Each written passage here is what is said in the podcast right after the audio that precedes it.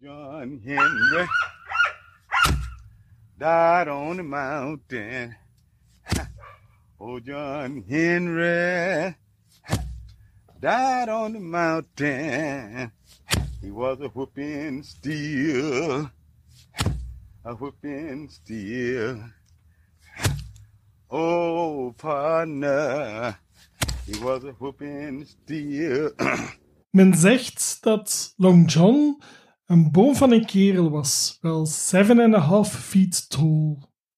Men zegt ook dat Long John een sterke kerel was die met de hand een drillboor hamerde doorheen een rotswand wel 4 meter diep. Men zegt dat uh, Long John stierf daags na de gigantische inspanning die hij leverde. We zullen het nooit weten. Feit is dat een uh, legende groots moet verteld worden om doorverteld te worden, en bij het doorvertellen zal ze hier en daar wel een beetje aangedikt zijn. Maar het verhaal van John Henry groeide uit tot een legende die vandaag de dag nog steeds vertolkt wordt in heel wat verhalen en in heel wat bluesnummers. Blue Ridge Mountain. I run across that Blue Ridge Mountain.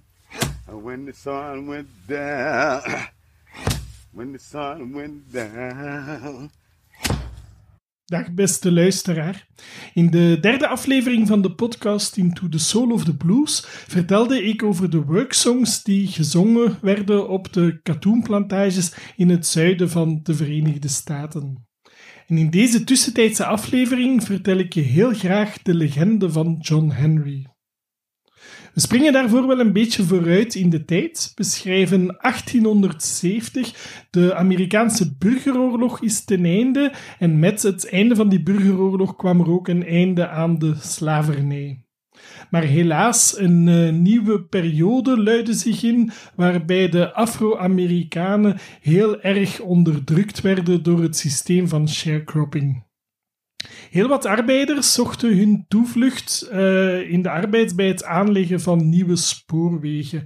Dat was heel lastig en zwaar werk, gevaarlijk werk ook en onderbetaald, maar voor sommigen de enige manier om toch nog brood op de plank te krijgen.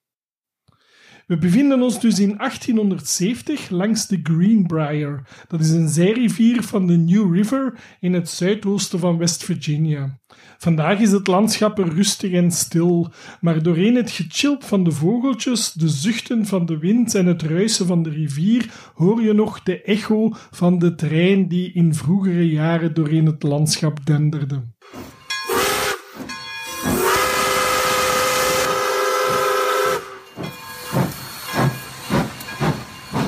Spoorlijn werd aangelegd tussen 1869 en 1872 aan het begin van de industriële revolutie.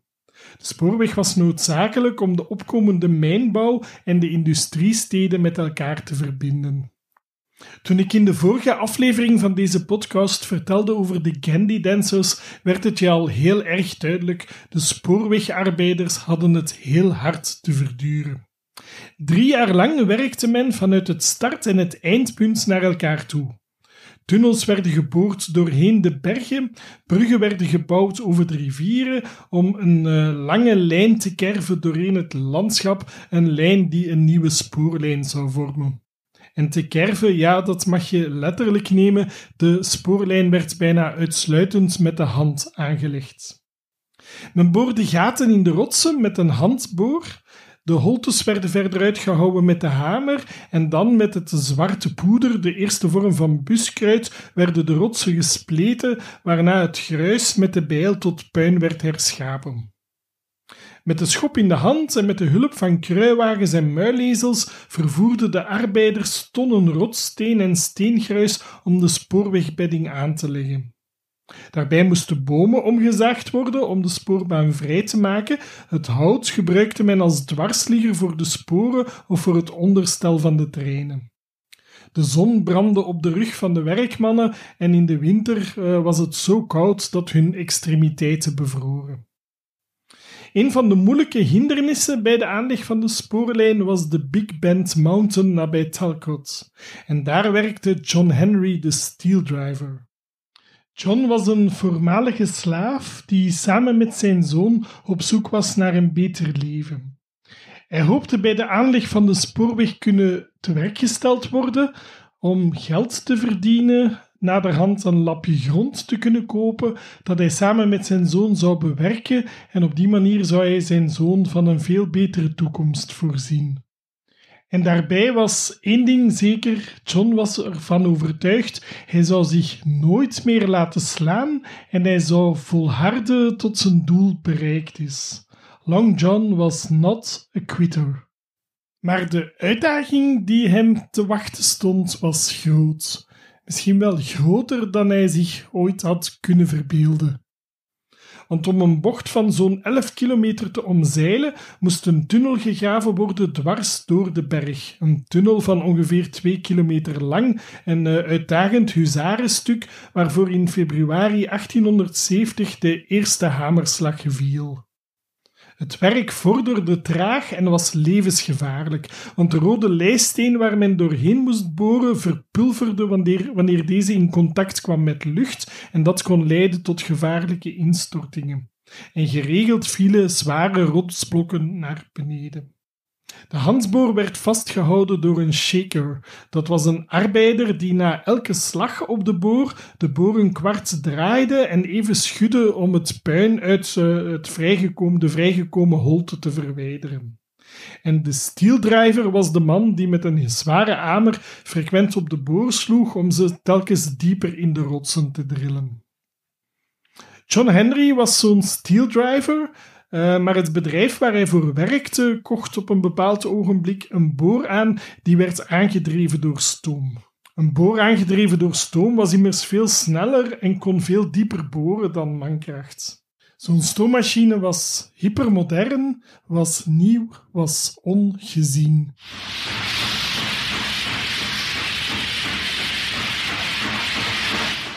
Maar de arbeider, John Henry, wou zijn plaats en uiteraard ook zijn dagelijks brood op de plank niet afstaan. John Henry, de sterkste steeldriver onder de arbeiders, ging een uitdaging aan.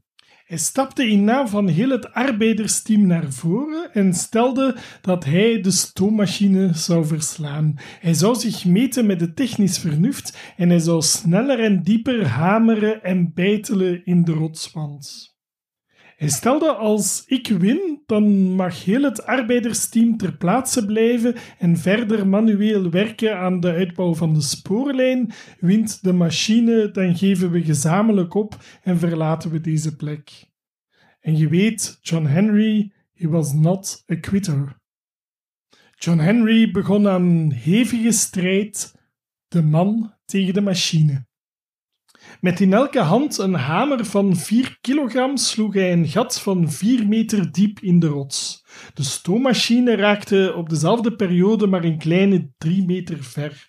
John Henry versloeg de stoommachine, maar daags nadien stierf hij van uitsputting. John Henry where you Foreign before.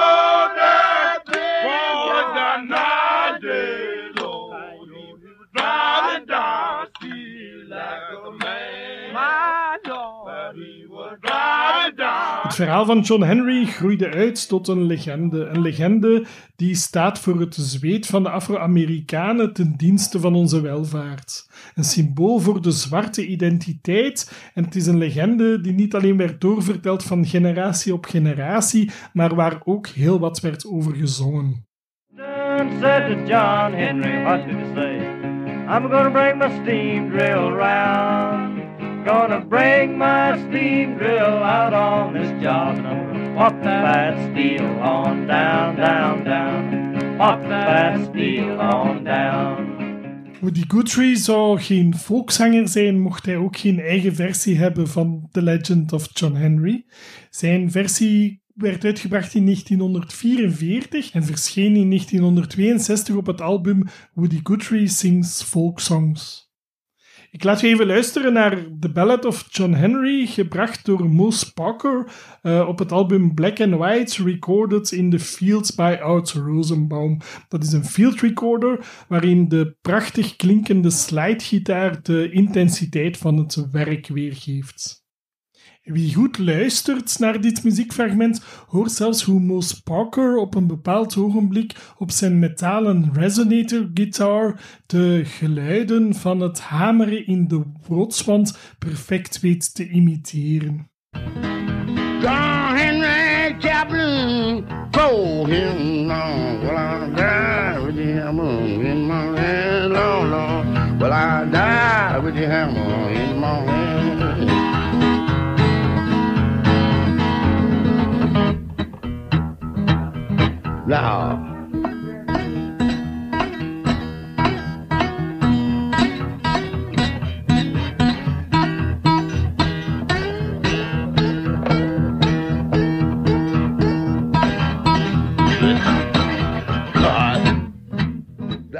Johnny Cash had uh, ook zijn eigen versie van de Ballad of John Henry, waarin de stoommachine heel prominent naar voren kwam.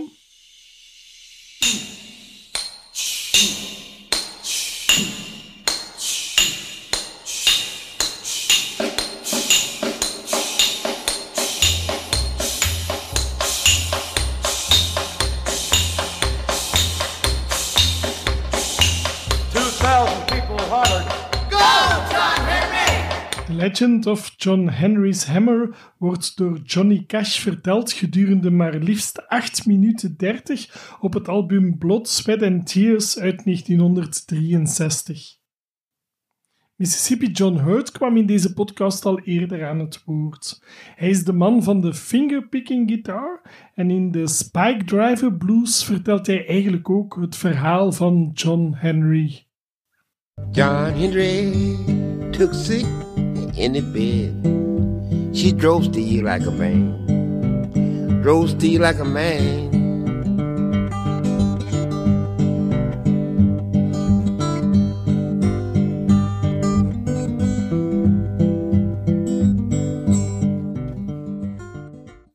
Verder denk ik aan een prachtige versie van Etta Baker en Tash Mahal, een uh, versie van Eric Bibb. En Joe Bonamassa lanceerde in 2009 zelfs een volledig album met de titel The Ballad of John Henry.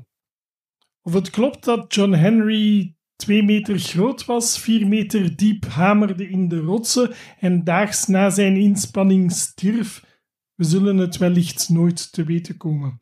Maar feit is dat John Henry uitgroeide tot een legende binnen de Afro-Amerikaanse gemeenschap en dat zorgde dus voor heel wat mooie liedjes en verhalen. Well, John Henry told his captain, he says a man ain't nothing but a man. For I was standing, see your power driver beat me down. Would die with my hammer in my hand. Oh, I would die with my hammer in my hand. Dit was een aflevering van Into the Soul of the Blues met Bart Massaar. Vond je deze podcast leuk? Heb je suggesties of opmerkingen? Laat dan een gesproken berichtje achter. Ben je nieuwsgierig naar meer? Bezoek dan zeker de website www.solotheblues.be.